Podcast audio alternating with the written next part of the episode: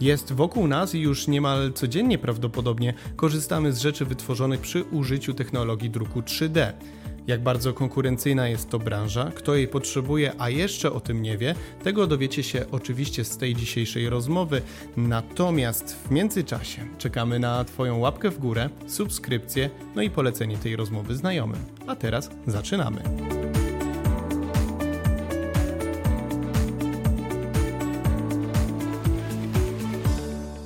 O fenomenie druku 3D i warunkach, jakie panują w tej branży, porozmawiam z panem prezesem Łukaszem Mikłowskim. Dzień dobry. Dzień dobry. Pan prezes jest, zarządza spółką Finnotech z Katowic, to już 10 lat na rynku. 10 lat będzie w listopadzie, dokładnie. A o tym, czym dokładnie się ta firma zajmuje, no oczywiście drukiem 3D, w jakim e, kontekście i w jakim kształcie, to nam wyjdzie oczywiście e, z rozmowy, bo właśnie o druku 3D będziemy rozmawiać, ale żebyśmy wyrównali stan wiedzy wszystkich naszych widzów, słuchaczy i mój też. Jak wygląda drukarka, każdy wie, ale drukarka 3D? No, niczym więcej się nie różni oczywiście gabarytami i technologią nakładania. Tak? Jeżeli mówimy o druku klasycznym, takim na papierze, nanosimy warstwę jedną, dwie, uzyskać, aby uzyskać kolor. E, druk 3D jest to technologia addytywna, czyli technologie przyrostowe. Mm, Zadany obiekt zaprogramowany, zaprojektowany w programach typu AutoCAD, y, Inventor czy SolidWorks. Przekładamy na kod, który drukarka nakłada warstwą po warstwie w zadanym kształcie. A gdybyśmy mogli sobie to, no można oczywiście wpisać w wyszukiwarkę Google, ale powiedzmy, że ktoś nas tylko słucha i nie ma teraz dostępu do e, wyszukiwarki, to to jest pewnego rodzaju właśnie obiekt, skrzynia, jak to wygląda fizycznie. Mówimy o skrzyni w formie drukarki, czy o obiekcie, który drukujemy? E, o y, tej drukarce, jak ona sama. Tak, no drukarka to jest mniej więcej zawsze jakiś sześcian, taki ma kształt, ale ewentualnie drukarki ramowe typu RepRap, e, czyli na konstrukcji ramowej, gdzie stół jest ruchomy i oś Z, czyli ten oś pionu nakładająca warstwy. E, my używamy drukarek o zamkniętej konstrukcji, dzięki temu też możemy używać szerszej gamy materiałów, szerszej gamy tworzyw które wymagają takowego, e, takowej konstrukcji właśnie zamkniętej, aby uniknąć podwinięć, aby uniknąć gwałtownych zmian temperatury, czy choćby nawet przewiewów i podwiewania powietrzem nie tylko tym, który jest skierowany na obiekt z dyszy drukarki, a z zewnętrznego przeciągu. A tym tuszem, którego używamy jest e, filament. Co, co tak, to takiego? W technologii FDM jest to filament, jest to nic innego jak uformowane tworzywo sztuczne do formy żyłki. Przyjęte są dwie średnice na rynku, czyli 1,75 mm i 2,85 Oczywiście obydwie, obydwie te, te, te, te rozmiary są dostępne w naszych ofertach. W tej chwili to jest około 30 rodzajów tworzyw gama kolorystyczna blisko 40 kolorów PLA, czyli najbardziej popularnym materiale mm, używanym w druku 3D, takim desktopowym, domowym. Jest to jeden z najczystszych materiałów, jeśli chodzi o toksyczność i skład. A co za pomocą drukarek 3D się wytwarza? Jakie jest ich zastosowanie? O, możemy sobie wydrukować e, jakąś część zapasową mm, do samochodu, uchwyt na ubranie, na kask e, motocyklowy, rowerowy, możemy zaprojektować i prototypować e, elementy różne konstrukcyjne, żeby mieć pogląd, coś wziąć w rękę, zobaczyć jak to będzie fizycznie wyglądało. Czyli od pomysłu do fizycznego przedmiotu. To, co nam się urodzi w głowie, przenosimy w programie graficznym 3D do formy wizyjnej, następnie, tak wspomniałem, przenosimy w programy e, slicery tak zwane, które tną to na kod zrozumiały dla drukarki i drukarka warstwa po warstwie nakłada nam to w osi pionowej. Odbieracie też trochę pracy rzeźbiarzom. Oj, może niekoniecznie odbieramy im pracę, a możemy ułatwić, wspomóc i doradzić. Zresztą jedną z rzeźb, którą wykonywaliśmy w, siedzi, dosłownie siedzi na ławeczce e, w, na kampusie w Akademii Techniczno-Humanistycznej w Bielsku Białej. To jest jeden z tych obiektów. Wiemy też, że e, no, chociażby takie rzeźby, no, tutaj myślimy o takiej nowoczesnej technologii, e, o właśnie tych e, sztucznych składnikach, które no, jakby budują ten filament, ale można też za, to, za pomocą tego takie klasyczne właśnie rzeźby, tak jak chociażby na archikatedrze w Katowicach się znajdują. Tak, tam współpracujemy z jednym z wykonawców, podwykonawców, który robi tą końcową rzeźbę, gdzie jest ona przygotowywana w, przez rzeźbiarza w, w rozmiarze około metra, następnie jest skanowana, skalowana przez nas do zadanego rozmiaru. Najwyższa ma 6 metrów wysokości, centralna, czyli Jezus Chrystus. Drukowaliśmy do tego formę, pod którą było wykonanie w betonie, w cemencie, gotowy detal, obrabiany następnie, do, doszlifowane, do, dorabiane te pchnięcie tej duszy artysty przez rzeźbiarza, który pierwotnie zaprojektował w mniejszym y, wydaniu. Tak, no skraca to znacznie czas y, wykonania takiego detalu, ułatwia możliwość poprawki, korekty ewentualnej i mocno odchudza. Z racji tego, że, że jest to wykonane w tej technologii, można było to wypełnić, aby ta rzeźba ważyła kilka ton mniej. Trzeba pamiętać o tym, że jest kilkanaście metrów nad ziemią, nad wejściem głównym. To dobrze, dobrze mieć taką świadomość i to jest większe poczucie bezpieczeństwa na pewno, na pewno w takiej okolicy, wiedząc, że no, nie waży to tyle, ile by mogło. Tak, to jest duży argument za, aczkolwiek to też było duże wyzwanie, aby tam to umieścić, zabezpieczyć w sposób właściwy, a żeby, żeby było stabilne i stateczne. To oczywiście kultura, to oczywiście e, takie e, tematy poruszyliśmy, ale też medycyna. Tu jest to druki 3D, czy raczej wyroby z druku 3D są ważnym elementem współczesnej medycyny. Tak, powoli ten druk 3D wchodzi butami w aspekty medyczne. Jest to druk technologii SLS, SLM, czyli spiekanych laserowo w tej chwili poliamidach, jak i metalach tytanowych. My w tej chwili E, dla FDM-u. Przy FDM-ie zakończyliśmy dość ciekawy projekt badawczy. E, jesteśmy na etapie wdrożenia z Polską Akademią Nauk tutaj z Zabrza. Druk 3D, który będzie mógł być bioresorbowalny, czyli będzie mógł być wszczepiony do organizmu ludzkiego bez obawy, że coś się nam zadzieje, dostaniemy infekcję. My otrzymaliśmy właśnie certyfikację na to e, ISO, że jest to bezpieczny wyrób. No przed nami ewentualne testy kliniczne, no ale to wymaga i czasu i ogromnego nakładu finansowego. Mm, będziemy to chcieli gdzieś dalej testować. Być może zwiążemy się z jakimś gabinetem weterynaryjnym, który będzie skory e, użyć tego i zaimplementować e, dla zwierzaków. Jeżeli będziemy mogli uratować kończynę, z chęcią przyczynimy się do tego. To brzmi naprawdę bardzo nowocześnie, wręcz te wizje takie z filmów e, science fiction, gdzie coś jest szczepiane i tak dalej.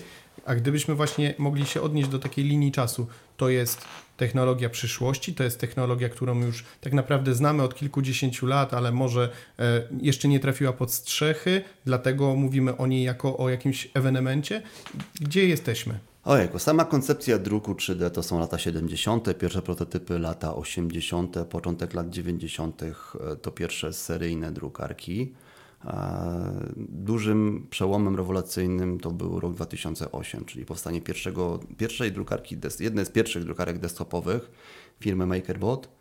W następnych latach e, Ultimaker, holenderski producent drukarek tak, po 2010 roku właśnie te firmy zaczęły coraz częściej pojawiać się mniejsze drukarki, pojawiła się idea druku 3D pod strzechy.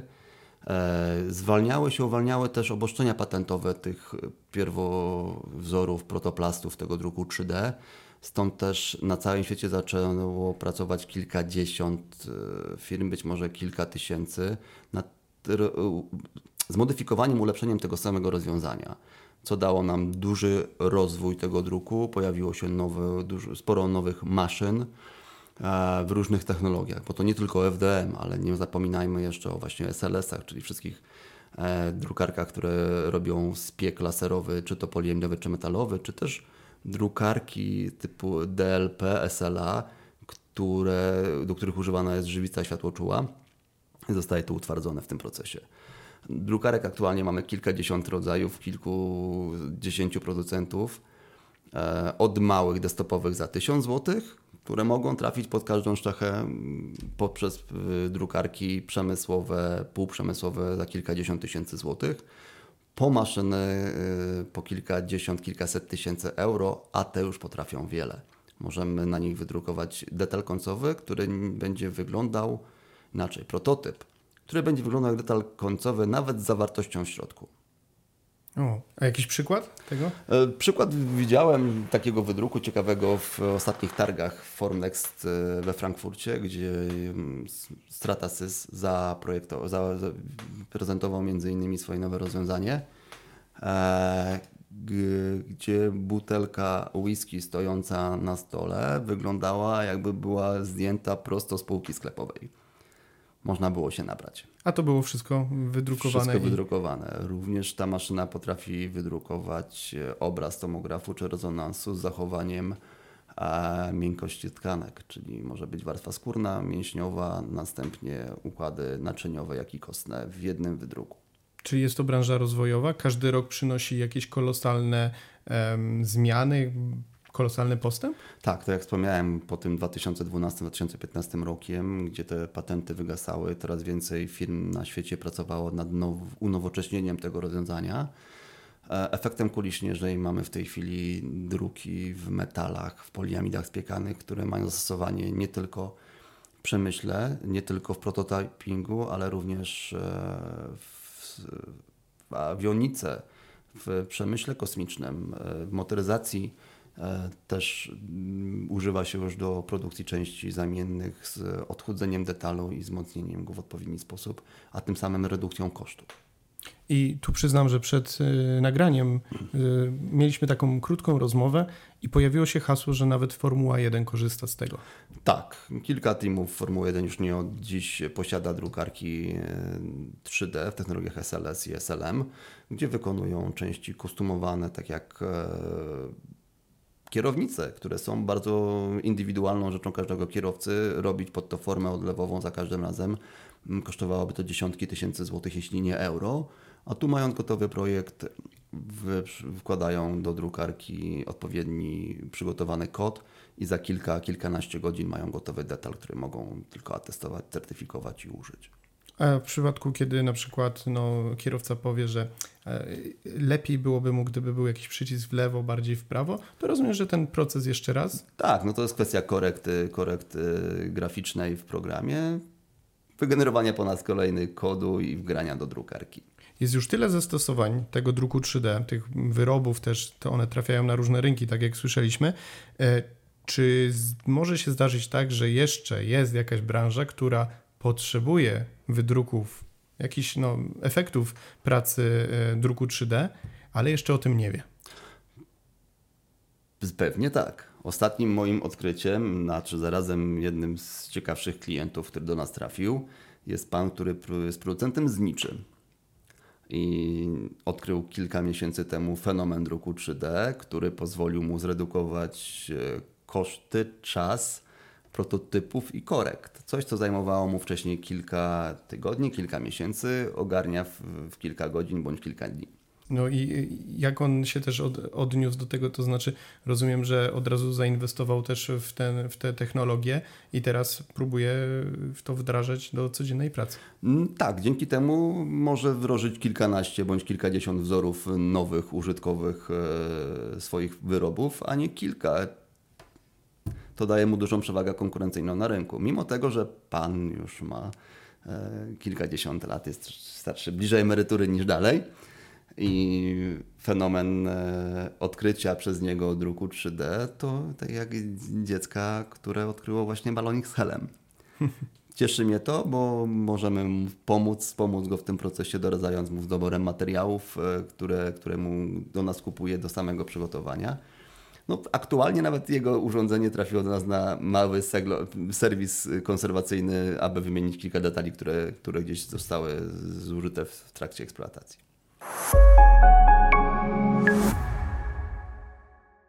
A co mnie ciekawi, bo jakby jest to na tyle dla mnie obca branża, że interesuje mnie, jakie są problemy albo jakie wyzwania występują w tej branży. Z czym mierzycie się na co dzień jako firmy, które właśnie drukiem 3D się zajmują? A problem to raczej takie prozaiczne jak w każdym biznesie, czyli gdzieś e, dostępność towaru, który właśnie jest na topie. Okazuje się, że w danym momencie jest chwilowy brak magazynowy, a bądź na dostawę trzeba nagle czekać kilka bądź kilkanaście tygodni płatności, ale to o tym może dziś nie mówmy. Jak to z klientami różnie bywa, więc taka główna proza. A jeżeli chodzi o druk, e, o naszą branżę, no niestety mm, nie ma dnia, gdzie nie pojawia się coś nowego. Każdy miesiąc, każdy tydzień przynosi e, nowinkę. Czy to w procesie przetwórczym, czy w procesie materiałowym. Musimy śledzić trendy rynkowe, dostosowywać się do nich bardzo szybko, adaptować obserwować konkurencję, bo o ile początkowo to my byliśmy tym takim trenderem rynku, gdzie mieliśmy największą gamę dostępnych materiałów w swojej ofercie przy najwyższej kolorystyce, no tak wszyscy się wokół rozwijamy, rozwijają, przegoniemy, przeganiamy się, kto co nowego pokaże, kto co nowego zaoferuje. Jeżeli coś jest trendy, sexy, jak to mawia, mawia dzisiejsza młodzież, no to musimy się szybko dostosować, zaadaptować i jak najszybciej wdrożyć. A przy ilości dostępnych surowców, materiałów, rodzajów, podrodzajów, czasami taki dobór mm, odpowiedniego tworzywa trwa kilka tygodni, kilka miesięcy nawet. Czyli to nie jest powiedziane, że um, chcę, żeby wydrukować jedną jakąś rzecz, pokazuję Państwu, no to jest to obojętne czym. Trzeba dobrać konkretny ten filament Jeżeli do tego. tylko i wyłącznie do fazy takiej pierwszej wizyjnej, wizualnej, nie wizyjnej, wizualnej, to głównie stosujemy polyakty, czyli tak zwane PLA, on jest najbardziej popularny, to jest materiał friendly user, tak zwany plug and print. Każda drukarka, czy ona kosztowała 500, 600 zł, czy 20 tysięcy euro, ten materiał przedrukuje bez większego problemu i to tylko ewentualnie jakieś zrządzenie losu, że coś się podzieje. E, jeżeli mówimy już o detalu, który ma być zastosowany w konkretnym przypadku, to tam musimy dobrać odpowiedni i materiał pod właściwości i oczekiwania klienta. Bo rozumiem, że wtedy to też jest ważne. Kiedy, w jakiej temperaturze będzie ten element używany, tak. w jakim środowisku, czy na zewnątrz, czy wewnątrz, tak, to tak. wszystko wpływa na wybór tego filamentu. Jak najbardziej. Jeżeli tak mówię, wspomniałem, jeżeli to jest tylko efekt wizualny, że chce Pan zobaczyć, jak to ma wyglądać w formie końcowej, poliaktyd jest jak najbardziej super materiałem, ewentualnie PETG ma trochę lepsze właściwości, jeśli chodzi o odporność termiczną. Bo PLA trzeba pamiętać, że powyżej 54 stopni następuje już jego mięknięcie i zostawiony w samochodzie może ulec zmianie jego kształt. Nie, nie rozpuści się, tak, ale na taką temperaturze dostanie takiej lekkiej lepkości jak modelina. A więc tutaj PDG czy ABS się znacznie lepiej sprawdzi. No to pytanie na koniec, gdzie będziecie za 5 lat? Wy jako firma, ale szerzej, no może jako branża druku 3D. Czy to będzie ciągła gonitwa, wymyślanie nowych, y, jakby, że tak powiem, stopów tego filamentu? Jest to jedna z najszybciej rozwijających się branż, mimo tego, że sama koncepcja, tak jak wspomniałem, to nie jest 10 e, lat, a 40 już bez mała. Samej wiedzy i koncepcji samego druku 3D, samego użytkowania fizycznego to jest ponad 30 lat. Ale ten największy rozwój nastąpił po 2015 roku i tym efektem kuli śnieżnej dostrzegamy ten e, druk coraz częściej, w coraz szerszej gamie e, branż gałęziach branż, od y, designerów, hobbystów, poprzez y, awionikę, aerodynamikę, mm, sporty wodne, przemysł ciężki samochodowy, jak i lotniczy czy, czy y, kosmiczny. Tak. Będziemy jeździć w samochodach w pełni wydrukowanych taką technologią? No, takie już powstałe. takie już powstałe w, w ramach pewnie jakichś projektów studenckich, ewentualnie jakichś hobbystów czy do użytku fizycznego by weszły, podejrzewam, że mamy zbyt wysokie normy rygorystyczne, jeśli chodzi o bezpieczeństwo. I to raczej niekoniecznie, nie, może nie w tej dekadzie. Rozumiem. Co wie, co nam przyniesie odległa przyszłość. Jeżeli można wydrukować detal w 70-80% i wysłać go w kosmos, to być może i będziemy mogli poruszać się samochodem, który zostanie wydrukowany. Czy to będzie opłacalne, to już jest druga strona. Oczywiście. A my będziemy oczywiście śledzić ten cały rozwój branży 3D, być może również na mm, antenie, że tak powiem, podcastu Przyspiesz Biznes. To jest bardzo ciekawa branża, dlatego bardzo serdecznie za wtajemniczenie nas w tajniki e, właśnie druku 3D i za ciekawą rozmowę. Dziękuję, miło było gościć tu u Państwa i być gościem tego podcastu. Bardzo dziękuję. Pan Łukasz Mikłowski prezes firmy Finnotech był moim i Twoim gościem, a Tobie słuchaczu też dziękuję za wysłuchanie tej rozmowy do końca. Jeśli ta rozmowa Ci się podobała, no to oczywiście zapraszam do dania łapkę w górę, zależnie oczywiście gdzie tego słuchasz, udostępnienia naszej rozmowy dalej swoim znajomym, którzy może jeszcze nie wiedzą czym jest druk 3D, a może chcieliby po prostu posłuchać jakiegoś innego spojrzenia na ten właśnie rynek. Do usłyszenia i do zobaczenia w kolejnym odcinku. Dziękuję Państwu, do widzenia, do usłyszenia.